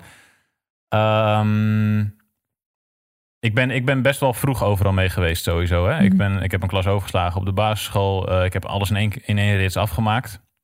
Met mijn studie en zo. Terwijl sommige mensen dan nog een jaar, een tussenjaar nemen en dat soort dingen. Want ik had iets van...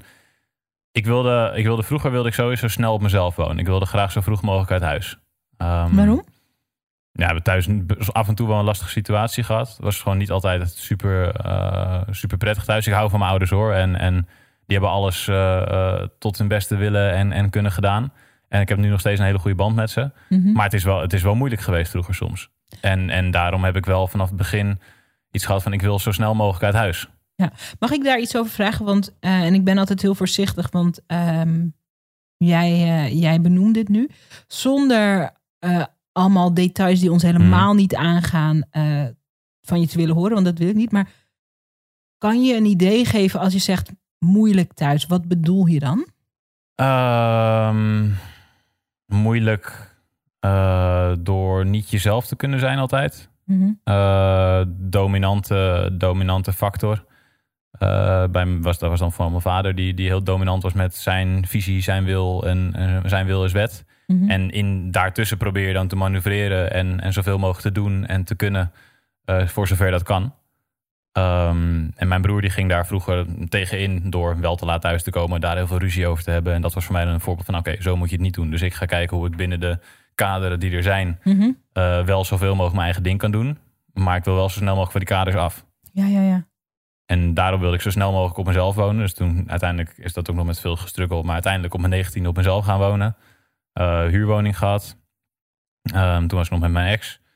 Ehm, toen een paar jaar later naar Amsterdam verhuisd. Daar ook nog een huurwoning gehad. En uiteindelijk ging het uit met mijn ex. Nou, heel ander verhaal, maar goed. Ehm, toen, zij, toen zij er niet meer was, toen had ik iets van... Nou, zij was een onzekerheid. Eh, die onzekerheid is weg. Ik weet dat ik de komende jaren in Amsterdam wil blijven wonen. Dus ik wil nu een huis kopen. Ja, Want ik gooi geld over de balk. How interesting. En dat is wel weer iets wat ik ook van mijn ouders heb meegekregen heel erg. Want mijn vader en mijn moeder zijn heel erg op... oké, je moet kijken naar, naar je financiële situatie. Financiële zekerheid is belangrijk. Daar is mijn vader super goed in. Is hij altijd al geweest. Mhm. Ehm, en dat heb ik wel echt heel erg vanuit huis uit meegekregen. En een huis, slimme financiële keuzes te ja, maken. slimme financiële keuzes maken. En heel erg, heel erg daarop letten. En ik weet, nog, ik weet wel van ja, huren, dat is er echt vanaf, vanaf zolang ik me kan herinneren erin geramd. Huren is geld weggooien. Mhm. Dus, ehm, want je investe- investeert er niet in iets wat uiteindelijk van jou is. Dus toen dat klaar was, dacht ik, ja, ik, kan, ik gooi nu elke maand 850 euro over de balk. En dat gaat naar niks. Ehm, maar ja, als ik nu een huis koop, dan kan ik eh, dat over de balk gooien. En dan heb ik straks een, een huis wat van mij is. Dus wat ik je hoor zeggen, want ik zit heel goed naar je te luisteren, is dat, eh, en dat is denk ik wel een rode draad die eh, heel erg terugkomt, dat jij bent wel echt een bouwer. En wat ik je, dit is mijn, mijn, mijn aanname, want ik zit te luisteren, is dat je bent zo bezig met het, eh, met het bouwplan en de stappen, dat er eigenlijk helemaal geen ruimte is voor onzekerheid in Nee. die stappen. Nee, klopt. Nee, nee, de basis, ik, heb, ik denk dat dat wel is. Inderdaad, de basis moet altijd goed zijn. Mhm. Als de ba en ik denk misschien dat ik daarom ook wel zo pragmatisch ben en kijk naar de structuur van. Ik denk, ja, ik vind het heel knap dat sommige mensen zo ver kunnen filosoferen en business ideeën hebben en dat dat dan op uiteindelijk een miljardenbedrijf wordt. En misschien dat dat ook wel mijn downfall is, dat ik niet zo creatief kan zijn door heel erg in de toekomst te denken, omdat ik het vaak heel erg meteen naar het hier en nu breng. Van oké, maar wat is er dan nu voor nodig? Ja, ja. Wat is de basis die eerst gezet moet worden? Het is eerst dit, dan dit, Ja. dan dit, dan dit. Maar ik kan niet aan een eindbeeld denken En dan terug. als ik, eh, ja, ik kan, ik, ik kan een eindbeeld denken en het dan terugberedeneren. Daar ben ik goed in. Ja. Maar iets wat heel ver van de huidige realiteit afstaat, dat vind ik heel moeilijk. Dat blijft niet plakken. Nee. Nee. Nee, interesting. Wat je omschrijft ook is, daar is ook een goed boek over geschreven, is ook die rolverdeling. Hè?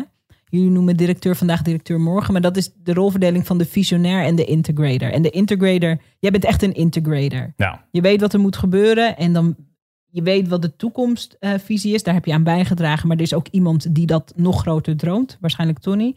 En dan, eh, en dan terug. eh, wat echt. De, sommige van de beste bedrijven hebben die combi. Hè? Dus voor iedereen die zit te luisteren, die denkt: moet ik een businesspartner? Ik ben namelijk echt een visionair. Ik, oh, Martijn, we kunnen hier een podcast opnemen over hoe, wat ik vind en wat ik voel en voor me zie. Wat het bedrijf, mijn bedrijf, over tien jaar moet zijn. Hoe dat voelt, wat er gebeurt. Maar als iemand dan vraagt: Oké, en wat betekent dat, dat voor, voor week 2 in februari in 2021? Dan denk ik. eh. en ik heb in mijn team daar bijvoorbeeld weer heel erg veel hulp bij nodig. ja.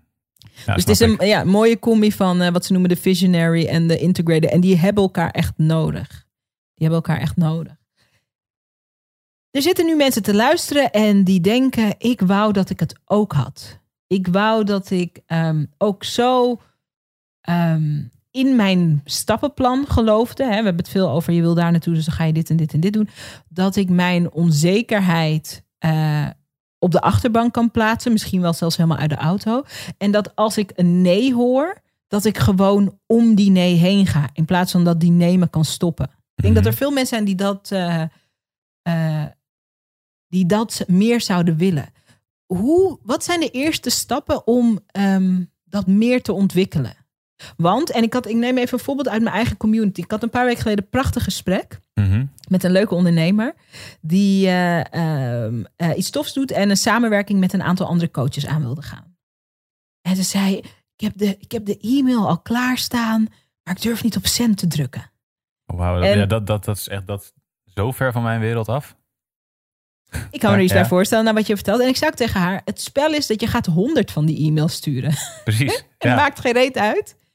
Of iemand. Het spel is dat je honderd e-mails gaat sturen. Mhm. En het spel daarin is dat je bij elk van die e-mails het ehm, eh, naar de persoon die je dat stuurt, dat dat een zo leuk mogelijke e-mail is om voor diegene te. Dus je gaat je 100 mensen researchen en dan ga je heel 2021 ga je daar elke week een uurtje tijd voor maken. Mhm. En dat wordt het spel. En het is gewoon statistisch zo dat je 100 mails stuurt en er komen 30 of 40 ja's. Dat is gewoon statistiek. Dat is gewoon, ik ben niet heel wiskundig, maar dat is gewoon wiskunde. Mhm.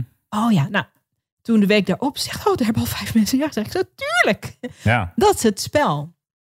Maar voor heel veel mensen, voor mij is dat ook een natuurlijkere manier van kijken. Mhm. Ehm, maar ik zit ook heel veel tegen mijn ondernemers aan. En naarmate ik langer mensen help, kom ik er meer en meer achter dat hoe wij het zien, Mhm. dat dat minder vaak voorkomt. Dus daarom zei ik ook crazy. Ja. Maar het is wel een te ontwikkelen spier. Wat moet je doen om de spier te ontwikkelen?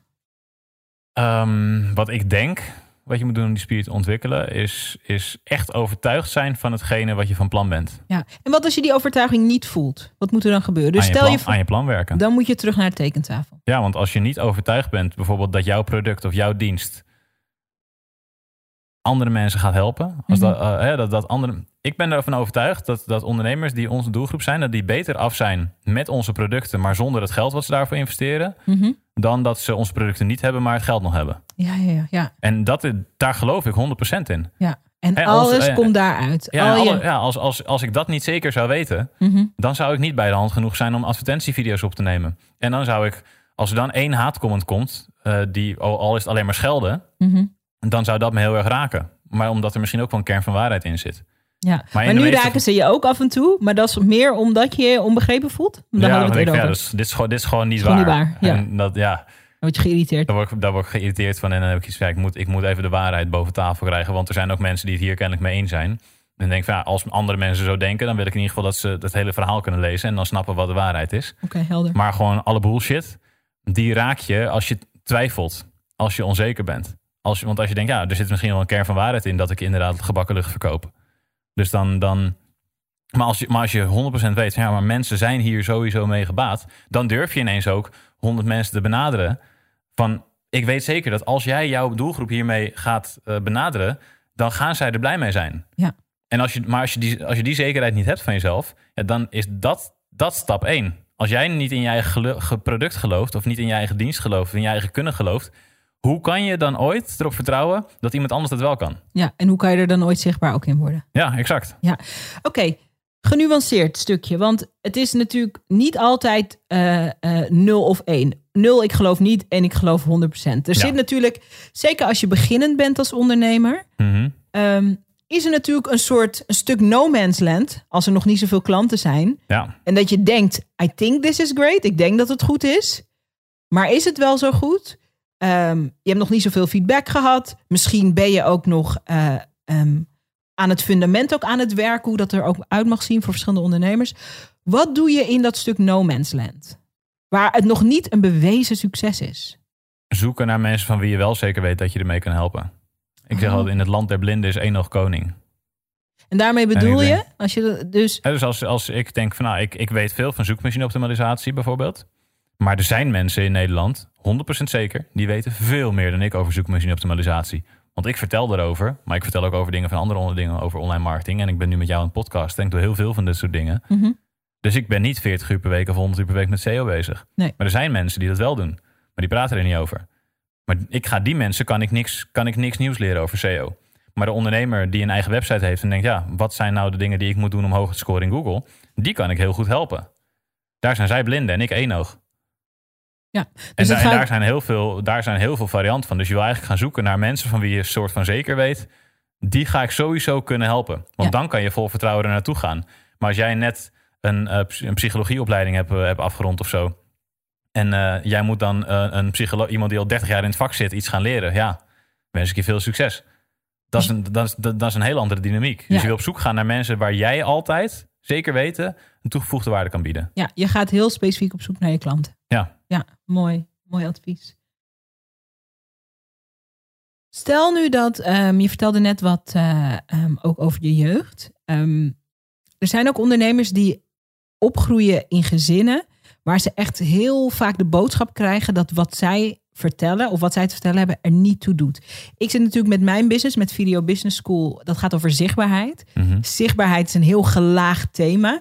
Uh, de tool is video, omdat het gewoon de beste tool is om zichtbaar te worden. En podcast is trouwens ook, audio is trouwens ook heel krachtig. Mhm. Um, maar ik zie heel veel verhalen van onze community die echt heel specifiek te horen hebben gekregen. Soms door een dominante ouder, soms door zelf een hele, um, wat is het juiste woord, uh, lam geslagen ouder. Van uh, het, het, doet er toch niet toe. Of hoe jij het ziet is niet Mm. relevant. Ja. Hoe, Daar is, daar is wel een groot verschil. Want ik ben wel altijd betrokken geweest door mijn ouders met, om ze ergens mee te helpen. Dus ik ben, ik denk, nu je dit zegt, denk ik, ik ben juist wel geconditioneerd dat ik mensen goed kan helpen. ja, en Omdat dat wat jij dingen- vindt ertoe doet. Omdat ik dingen beter wist dan mijn vader vaak bijvoorbeeld. Mhm. Dus ik kon hem op heel veel fronten, onder andere computers, website, technologie, eh, schaken, andere denkspelletjes. Was ik op een gegeven moment beter dan hem, dus kon ik hem daarmee helpen. Ja. Dus ja, daar ben ik, misschien dat dat wel heeft bijgedragen aan dat ik nu zoveel mensen wil helpen met online marketing. Omdat ik ervan overtuigd ben dat ik dat kan. Dat je daar iets in te bieden hebt. Mooi. Geen idee, maar dat, dat zou heel Ja. goed kunnen dat het daardoor geconditioneerd is. Ik maar jouw denk- vraag. Ja, nee, maar ik, ik vind het leuk, want het is ook een hardop brainstorm. Mhm. Een goed interview. Mijn eh, interviewmentor heet Frank van der Linden. Dat is echt een van de beste interviewers van Nederland. Prachtige boek heeft hij ook geschreven.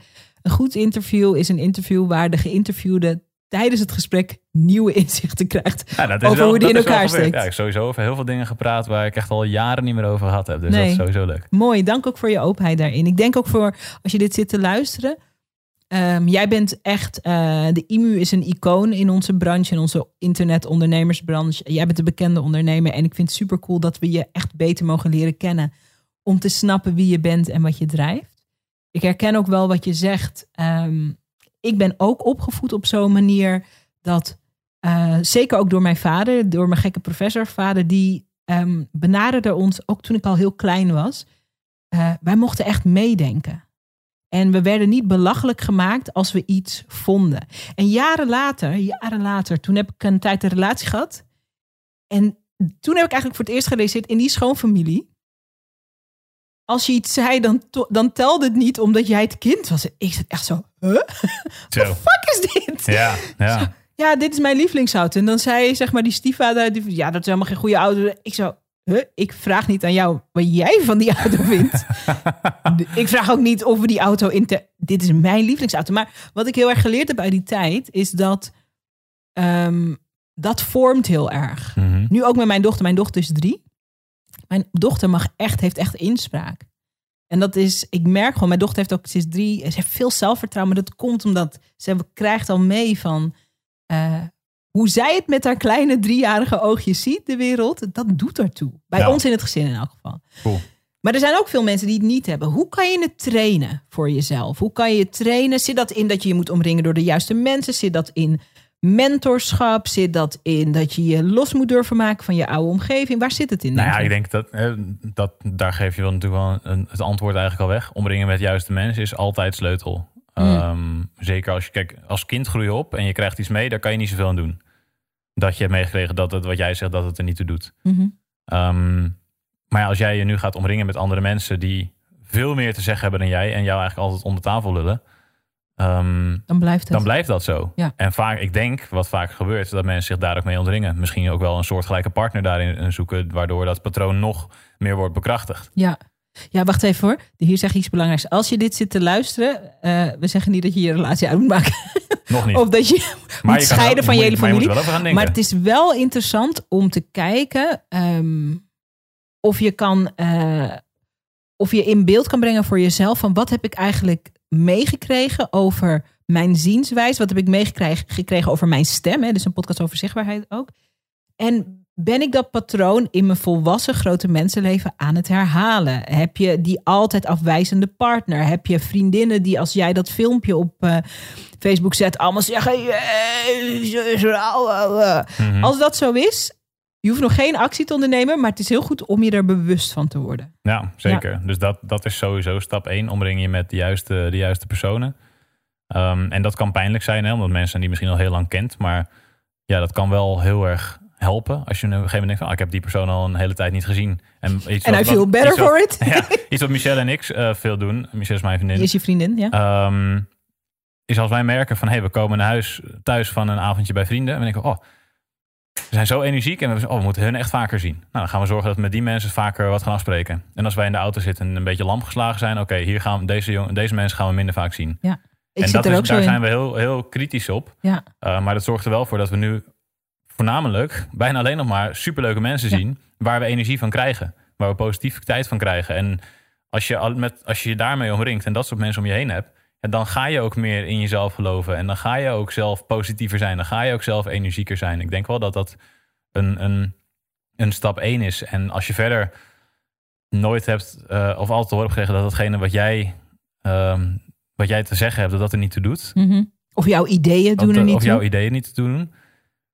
Als je nu bijvoorbeeld, als je nu op het pad bent gezet dat je bijvoorbeeld bij jou in een community zit, dan heb je, dan heb je dus toch al ergens een idee en ergens het gevoel van misschien is datgene wat ik te vertellen heb, dat doet er wel toe. Ja. En dan kom ik toch weer terug bij dat wat ik eerder al zei. Dan moet je ervoor zorgen dat het zo duidelijk en concreet is. Dat je weet waar jij sowieso mensen mee zou kunnen helpen. Dat je weet wat jouw idee is waar mensen ehm, positief door beïnvloed zouden kunnen worden. Als je dat helder hebt, dan ga je daar een eerste stap in kunnen zetten. En hoe klein ook, hè? Dat hoeft maar een heel klein stukje te zijn. Kijk, je kan zeggen: ik ga online marketing doen voor alle bedrijven in Nederland. Dat is veel te groot. geen goed idee. Maar als jij nou zegt van nou oké, ik, ik ga heel specifiek. ehm, ik bouw de beste offertepagina voor een tandarts. I love it. Specificatie, inzoomen. Heel, maar dat Ja. is heel klein, hè? Maar stel Ja. dat je dat zou doen en je gaat naar alle tandarts bij de omgeving, dan heb je, dan heb je ineens iets heel erg concreets. Ja, en maar is je- heel hoe- waardevol. Hoe, hoe concreter het is, hoe beter. En als je onzeker bent, dan moet je niet te groots en te algemeen gaan denken, maar juist heel specifiek gaan worden. Ja. En dan zeg je misschien wel nee tegen eh, iemand die een fysiotherapeut is. Ehm, maar ja, juist daardoor kom, kom je die tandarts wel tegen. Wat ik mooi vind aan wat je zegt, is dat ehm, als ondernemer moet je de afwijzing in die zin ook opzoeken. De afwijzing van de voor jou niet juiste klanten. Ja. Voor de voor jou niet juiste samenwerkingspartner. Dit is zo belangrijk. Hi- Hier zouden we een aparte podcast over kunnen opnemen. Want het werkt beide kanten op. Als je angst hebt voor afwijzing, om afgewezen te worden, dan heb je vaak ook de angst om af te wijzen. En ik weet dit uit mijn liefdesleven. Hmm. Want ik heb dus wat ik net tegen jou zei, dat ehm, Business Martijn eh, in, een, in een andere stroom gaat als Thuis Martijn. Ik heb dat ook. Business Sarayda is totaal niet bang voor afwijzing. I'm like, get it on. Eh, privé Liefdes Sarayda vindt dat wel echt Privé zou ik ook. Ik ben, ik ben met dat betreft ook heel blij dat ik een hele goede relatie heb met mijn vriendin. Als ik zou gaan daten, ik denk, als het goed gaat, dan zal het waarschijnlijk fantastisch zijn. Maar het- ik zou het heel, heel erg vinden als ik afgewezen zou worden. Daar zou ik niet tegen kunnen denken. Maar grappig toch? Dat er zo'n. Hoe komt dat verschil? Ik, heb denk- bij mezelf een beetje uitgeplozen. Ehm, Het is toch grappig? ja, ik denk omdat je dan heel erg toch als soort van op je persoon beoordeeld wordt of zo. Denk ik. Nou, dat is dus het verhaal wat we erbij en- hebben. Ja, ja, dat is het verhaal. Want, maar business is meer de, de dingen die jij doet als persoon. En niet de persoon zelf. Maar tegelijkertijd heb ik ook ja, de business wel een personificatie van de dingen die ik ben en die ik denk en die ik voel. Dus dat klopt ook weer niet helemaal. Maar Ik denk dat je gewoon is misschien ook ervaring of zo. Nou ja, ik denk dat we, ik denk echt, ik schaar ons dan even in dezelfde, in de, ik zet ons even in dezelfde boot. Ik denk dat we hebben er gewoon een ander verhaal bij. Mijn overtuiging, ik heb het echt onderzocht bij mezelf. Nu gaan we even een beetje Oprah, Oprah Dr. Phil, heel Mhm. kort, het is zo weer weg. ik heb echt bij mezelf onderzocht, hoe komt het dat je met liefde tien mails gaat sturen van mensen waar je mee samenwerken. En dat als er twintig terugkomen en dus 80 niet, dat je zegt: Yeah, dit is een succes. Terwijl als ik zeg maar op 100 dates zou gaan, ik word dan moe bij de gedachte. Als er dan 80 mensen zeggen: Nou, nee, dank je. Nou, sorry, ik zak hier. Ja, Ik zak, ik smelt hier. Ik zak hier meteen door de grond. En ik denk voor mij, ehm, ik heb een ander beeld van wie ik ben als ondernemer. Mijn beeld is anders. Als, mijn beeld van mezelf als ondernemer is, het komt altijd goed. Links of rechtsom, ik ga mijn doel bereiken, het komt altijd goed. Als je aan mij vraagt, weet je zeker dat je in dit leven de liefde van je leven gaat ontmoeten? Onzeker, I don't know. Dus andere basis, dus andere basisovertuiging. Daarom is zo belangrijk, daarom deel ik het niet omdat ik zeg maar op je schouder wil uithuilen, maar dat je ziet hoe belangrijk een basisovertuiging is. Als je ervan overtuigd bent dat je als ondernemer links of om rechtsom je gaat het maken, dan, dan verhoud je je dus anders tot alle dingen die op je pad komen. Dus dat is één ding. En ik merk dus ook dat ehm, ik vind het heel makkelijk in mijn business om ja of nee te zeggen tegen dingen. Ik had een paar weken geleden een gesprek met iemand met wie ik zou samenwerken. Ik voelde tijdens het gesprek nee. Ik heb haar netjes uitgelegd, dit is de reden waarom ik dat, eh, die keuze maak. En, en, dan, en dan vind ik dat fantastisch. Oh, daar gaat een telefoon, geef niet. Terwijl, en dat vertelde ik voordat de microfoons aangingen, vertelde ik Martijn even iets over mijn date live. Ik vind het super moeilijk en om afgewezen te worden, maar ook om af te wijzen. Dat gaat meteen naar de kern van, oh my god, ik heb iemand gekwetst. Of iemand... Dus het is gewoon grappig. Ehm, het is echt grappig. Ik heb, op de middelbare school heb ik wel vriendinnetjes en zo gehad. En ik was, dacht altijd, je moet de prins op het witte paard zijn als jongetje. En dat was ik dus ook. Maar dan na drie, vier maanden ging het altijd uit. En ik snapte dat niet. Nu snap ik dat wel. Want je moet een vrouw niet geven wat ze wil, maar wat ze nodig heeft. Maar Oef. destijds wist ik dat niet. Andere podcast. Andere podcast. Even notitie destijds maken. destijds wist, wist ik dat niet. Um, en ging het na drie, vier maanden, dan ging het uit en dan gingen ze met een hele andere jongen er vandoor. Van, hey, maar die doet helemaal niet wat je... Die is helemaal niet lief. Nee, precies. Maar oké, dat, dat was dus niet zo. Maar op een gegeven moment wilde ik het wel uitmaken met een meisje. Um, maar had ik nog nooit gedaan. Want ik was altijd gedumpt. Dus toen heb mijn moeder over toen heb, toen heb ik dat meisje uiteindelijk heb ik het uitgemaakt. Want ik wist hoe vervelend dat was. Want ik wist ook dat zij wel wilde. Hebben we dat gedaan. Toen ben ik thuisgekomen en heb ik met mijn moeder een gebakje gegeven. Nou, goed dat je het eruit gemaakt.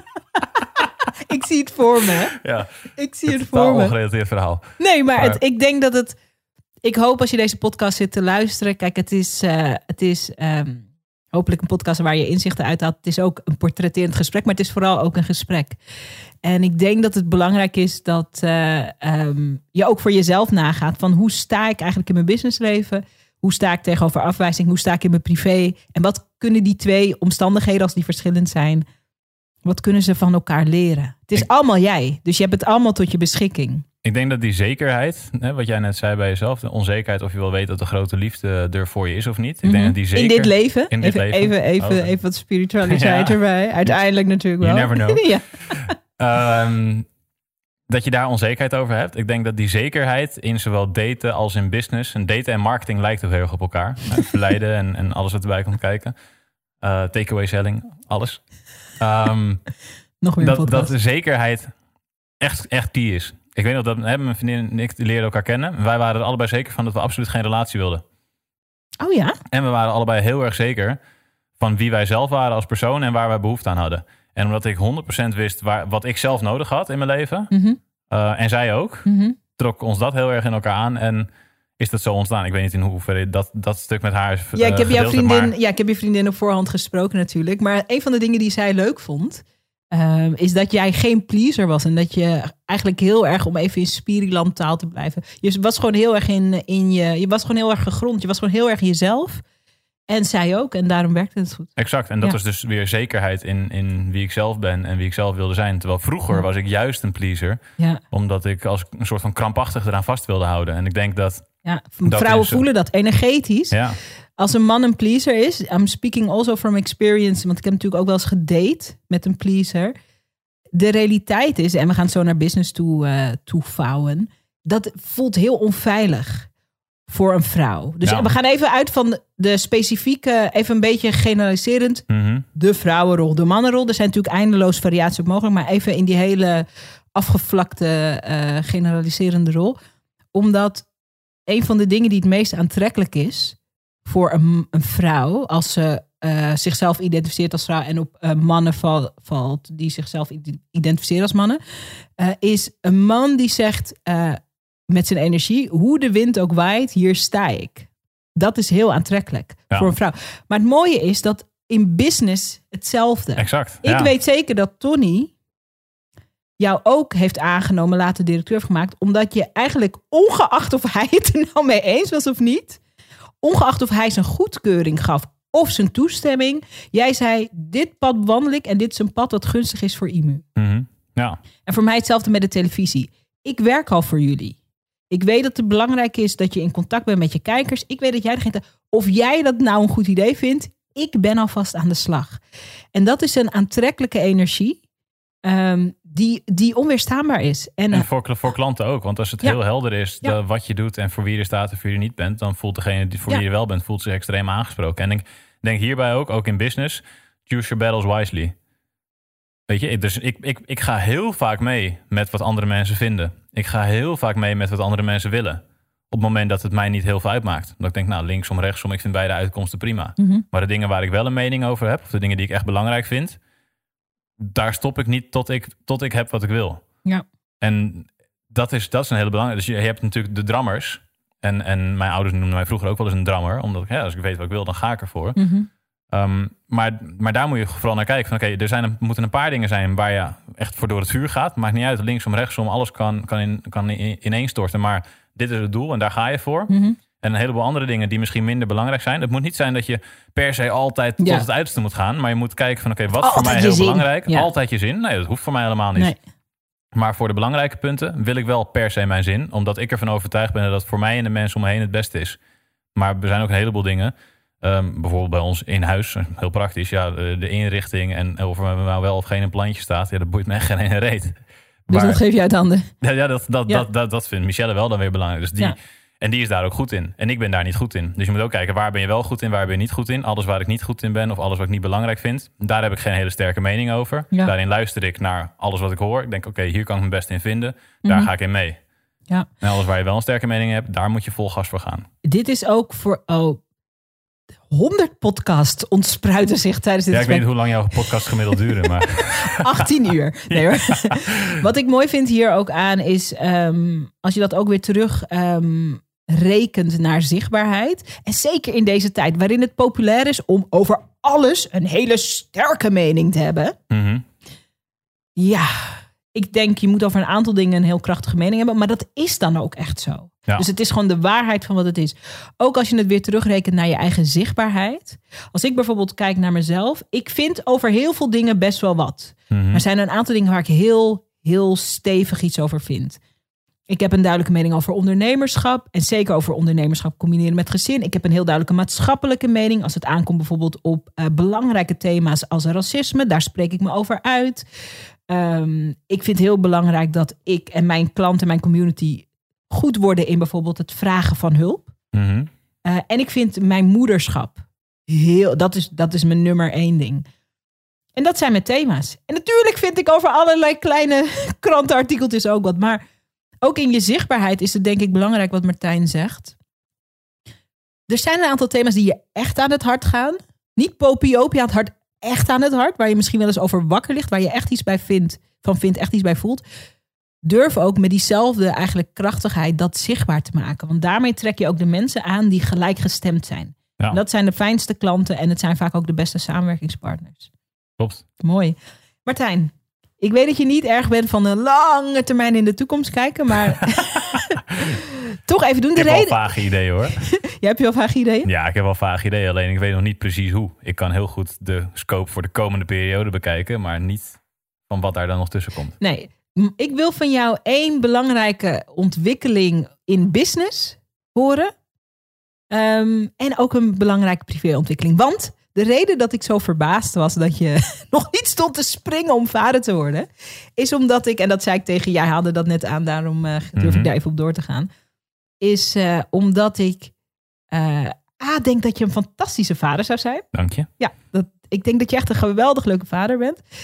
En B, omdat ik kon me zo goed voorstellen dat dat in, in het bouwplan al zat. ja, vroeger wel. Eh, ik had al besloten eigenlijk, ook toen Michel en ik elkaar leren kennen, van nou 27, 28, dan gaan we aan de kinderen. Ik denk dat is een mooie leeftijd. Dan zijn we vier, vijf jaar bij elkaar. Dus toen was het over vier, vijf jaar. Nu denk ik, nou, Nu is het over vier- 27. over- nu ben ik 27 en zij ook. Nu denk ik, wow, vier, vijf jaar. Maar da- daar zijn we nog niet helemaal over eens. Dat wordt, Nee, ik dat durf. wordt waarschijnlijk een concessie. Maar, dat denk ik eh, ook, ja. Maar eh, dat- zonder gekheid, dat is gewoon iets waarvan ik iets heb. Dat is nu, nu ligt dat nog te ver bij me vandaan. Ehm, Want? want ik, ik wil echt gewoon mijn dedicated focus nu op het bouwen van de business hebben. Mm. En de impact die we daarmee aan het maken zijn. En, en de mensen die we daarmee helpen. En het team wat we hier aan het opbouwen zijn. Dit is ook mijn kindje. Mhm. En dat zal het ook altijd zijn. Alleen ik zou het nu heel moeilijk vinden om die focus te splitsen. Want ik kan me heel goed voorstellen dat als er een fysiek babytje is, dat daar. Een echt kind. Ja, een echt kind, dat daar, dat daar heel veel focus naartoe gaat en heel veel liefde naartoe gaat. Maar ja, dat betekent wel ehm, dat, dat hier dan minder naartoe zou gaan. En ik ben daar nu nog niet klaar voor, juist omdat ik de integrator ben en heel erg in de uitvoer zit. En ik iets van ja, als ik nu minder focus hierop zou hebben, dan zou dat impact maken. Ja, En dat ik vind weet, het nu nog te leuk om hiermee bezig te zijn. ik weet zeker, maar dat is helemaal niet eh, Ja, jij, helder. jij, jij doet dit natuurlijk al. Jij combineert dit al jaren. ik, ik maar weet zeker dat er heel veel mensen zitten te luisteren die zich dit je nu klink je als Sarayda vier jaar geleden. dus en ik denk dat er veel ehm, ondernemers luisteren die kinderen hebben en die, die ehm, je van alles aan liefdevolle dingen hierover zouden willen vertellen. Mhm. Maar dat is Nou, deze maar alle podcast niet. ondernemers in coronaperiode in lockdown met kinderen, die hebben me ook wel genoeg dingen verteld. dat ik dacht nou, Ja. op zich, hè, tactisch. Ja, ja, ja, het is natuurlijk een specifieke uitdaging. Dat is. Het is heel specifiek. Ja. Ehm, maar goed, je wilde een, eh, je wil een concreet iets voor later. Hoeveel later? Eh, mag je zelf zeggen. Dus qua business, eh, de familie, de tijdlijn van, de, van, van het gezin, dat wordt waarschijnlijk een concessie. Waarschijnlijk, ja. En- nee, maar kijk, en- ik ben, ben dol op mijn vriendin en eh, we hebben het super samen. En dat is ook zeker een lange termijn, lange termijn ding waar we samen ook zeker aan de kindjes zullen gaan. Nog als, dat, niet. als dat mag Als en het- kan, als het- ja. als het ons gegund is. ja, maar dat is altijd een ding. voor de komende paar jaar niet. Ehm, wat haar betreft over een paar jaar. Zij het nu ook nog niet trouwens. nee, en, jullie zijn allebei even jong. Dus we gaan zien hoe dat, hoe dat loopt. Ehm, voor mij concreter op de iets kortere termijn wil ik gaan verhuizen. Oh ja. Ehm, wat meer, wat groter. Ik woon in Amsterdam, appartement. En dat is hartstikke leuk. Alleen 70 vierkante meter. En ik wil wel, ik wil wat ruimer gaan wonen. En ik roep al sinds mijn elfde of zo dat ik later een huis met een zwembad wil. En dat huis met een zwembad, dat gaat er ook komen. Oh, wauw. Ehm, nu In nog- Amsterdam? Nee, niet in Amsterdam. Nee. nee.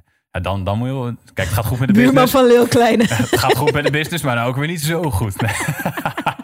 Ehm, maar ik, ik, eh, ik richt nu op over een jaar ongeveer gaan oriënteren. Dus over anderhalf jaar, twee jaar of zo, dan hoop ik wel daar te zijn. Kom naar Eiburg. Is nog net Amsterdam? Nou, we gaan meer naar het centrum van het land. Meer naar het groen. Oh ja? Ja, oh, kantoor oh, gaat ook naar Utrecht. Oh ja? Over eh, twee maanden zitten we daar al. Wordt nu al verbouwd. Wist ja. je dat niet? Ja, ja, ik wist dat Oh, er een ja. kantoor, maar ik wist niet waar. Nou, nou, dat komt in Utrecht. Wat leuk. Ehm, dus waarschijnlijk zal ik ook meer in die, in die hoek gaan, eh, gaan wonen. Wat leuk, wat spannend. Ja, dus dat, en dan heb je een groter huis, mooi zwembad. Ja, dat is, dat is gewoon al jaren mijn droom, dus dat wil ik gaan doen. Eh, dus dat is privé. En eh, nou, met de business gaan we dus naar Utrecht, maar dat is niet super spannend, want dat ligt al vast, dat wordt al verbouwd nu. Wat is de, als we kijken naar de business, wat is, ehm, wat is de volgende golfbeweging waar je graag een onderdeel van uit wil maken? In onze Wat branche. Ja, in onze branche zijn er natuurlijk altijd. ehm, er zijn altijd nieuwe mogelijkheden die je zo vlak voordat ze echt heel helder worden, kan je daar misschien een gevoel al bij hebben. Dus ik zeg maar wat, hè, kan heel breed zijn. Kan zijn van de komende jaren gaan we dubbel en dwars op onze community of de komende jaren. Ja, ik, ik denk juist meer, wij gaan niet mee met een bepaalde golfbeweging. Oké. Wij creëren de golfbeweging. Nee. Ik nam Mag- even een slok, maar oké. ja, mag even een kotzakje? Nee. Ehm, Nee, ik verslikte me. Ah, Oké. Nee, ehm, we doen al jaren hebben we dezelfde visie qua, qua hoe online marketing moet werken. En dat werkt ook al heel lang zo. En Mhm. ik denk ook dat het nog jaren zo gaat werken. En natuurlijk zullen tools en trucjes en leuke dingen komen waardoor het makkelijker of beter of anders kan. Maar de kern blijft hetzelfde. eh, van online marketing verwacht ik de komende jaren. Mhm. Dus daar zullen we op doorbouwen. We zullen de tools beter maken. We zullen meer klanten in Nederland en België aansluiten. En uiteindelijk wil ik internationaal gaan met de tools ook. Om eh, Mm. de strijd aan te gaan met de, met de giganten. Als zijnde, wij zijn de Europese, betrouwbare, Nederlandse tool. Waarmee je dit veel beter kan doen. Leuk. Dat met Plug and. Pay en met Huddle en met eh, Met Phoenix. Plug and Pay, Huddle en Phoenix. En misschien wel dat we er een gezamenlijk brand van gaan maken. Dat weet ik allemaal nog niet. Leuk, spannend. Ehm, dat moet de tijd nog gaan uitwijzen. En we zeggen al jaren, eind volgend jaar gaan we internationaal. Nou, dat zeggen we al sinds eh, 2016 of zo. Is beetje Dus net als nou, met die kinderen. Over een paar jaar. ja, precies. Eh, nu, nu zijn we er wel realistischer in. Van, ja, dat gaat voorlopig gewoon niet gebeuren. Want we hebben nog genoeg werk te doen in Nederland. Maar dat is wel een plan wat we nog steeds hebben, wat we willen uitvoeren. Mooi. En als we het met één tool doen, waarschijnlijk als eerste met Plug and Pay. Omdat die klein Ja. is, omdat die concreet is. En daar kunnen we heel makkelijk proefballonnetjes mee op laten gaan. Ehm, het hele IMU-merk zullen we niet internationaal trekken. Maar Mm. de software tools wel. Mm, Ehm, Interesting. De vraag is waarschijnlijk niet of, maar meer wanneer. En dat zal nog wel een x aantal jaar gaan duren. Maar Leuk. dat is er iets in de business wat in de toekomst gaat gebeuren. Mooi.